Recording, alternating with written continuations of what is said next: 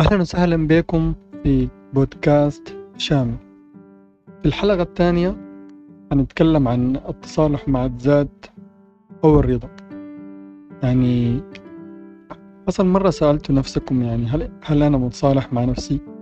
هل أنا راضي عن تصرفاتي؟ هل أنا راضي عن الوضع بتاعي الحالي؟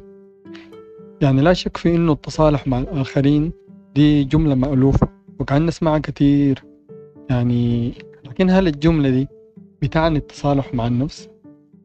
يعني كده نتخيل نفسنا زول تاني هل انت حتسامحه؟ أو هل دي كل الفكرة؟ أحيانا نحن بنشعر يعني كأنه في قاضي صغير قاعد يحاكم الناس التاني على أفعالهم وتصرفاتهم يعني القاعدة ده بكون جوانا يعني سواء صرحنا بالحاجة دي ولا ما صرحنا يعني زي مثلا ترفض حتى لو بينك وبين ذاتك طريقة كلام زول معين وأسلوبه أو طريقته في اختيار الملابس والألوان. يعني كل المواقف دي والمشاعر عندها علاقة بالتصالح مع النفس. وأنا حوضحها من خلال تعريف التصالح مع النفس وتوضيح مراحل التصالح والخطوات اللي بتساعدك عشان تتصالح مع نفسك. أول حاجة كده نسأل نفسنا التصالح مع النفس ده شنو؟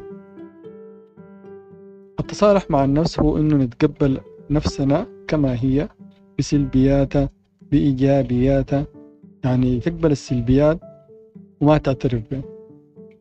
أنت تتقبلها عشان تقدر تغيرها في وقت تاني. إلى جانب إنه تقبل الحياة ما بتتغير أو تقبل فكرة إنه في ظروف خارجة عن إرادتنا في حاجات ما بيدنا إنه نغيرها. وتتحمل مسؤولية يعني أو تتحمل نتائج الحياة اللي أنت اخترتها في حياتك. وما تلقي اللوم على الحياة من حولك أو ما تلقي اللوم على الناس من حولك والظروف.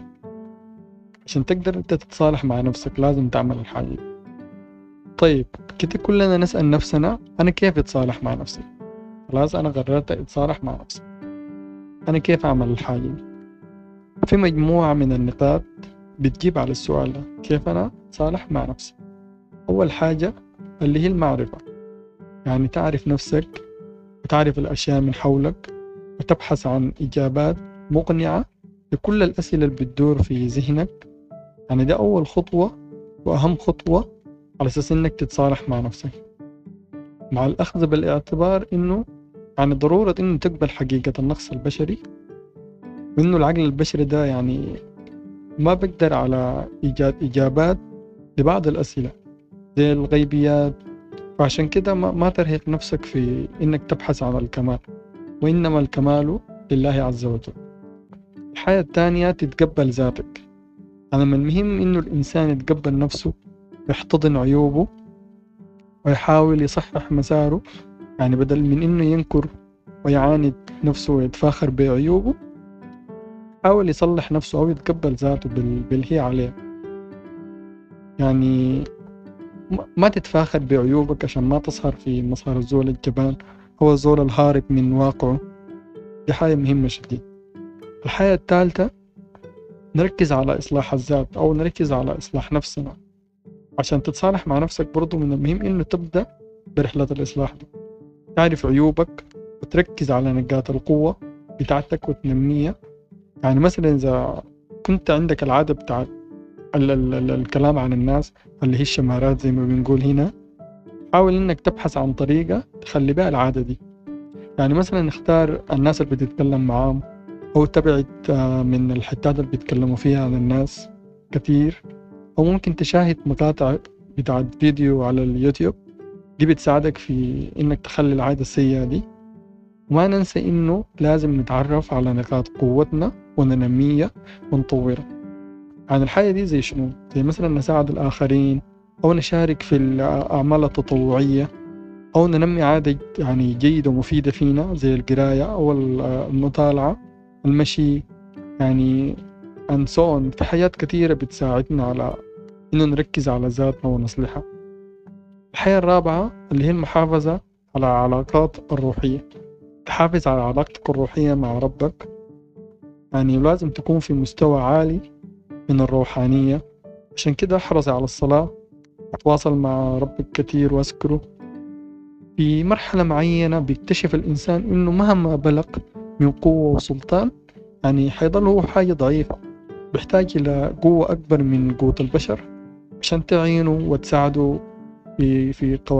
في قضاء حوائجه يعني الإشارة إلى التواصل الروحاني بيختلف يعني من زول لزول. يعني بحسب معتقداته بحسب تفكيره وثقافته بحسب دينه ومسلم مسيحي كده.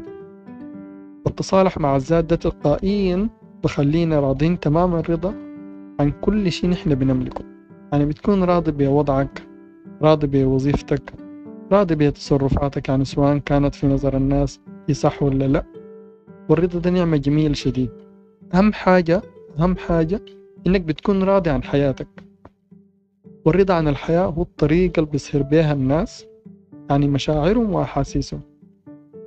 الرضا عن الحياة هو جزء أساسي من الرفاه الذاتي وده كله ما بيتحقق وما تصالحنا مع نفسنا أو ذاتنا اللي هي أولى بكل شيء نحن بنقدمه للناس.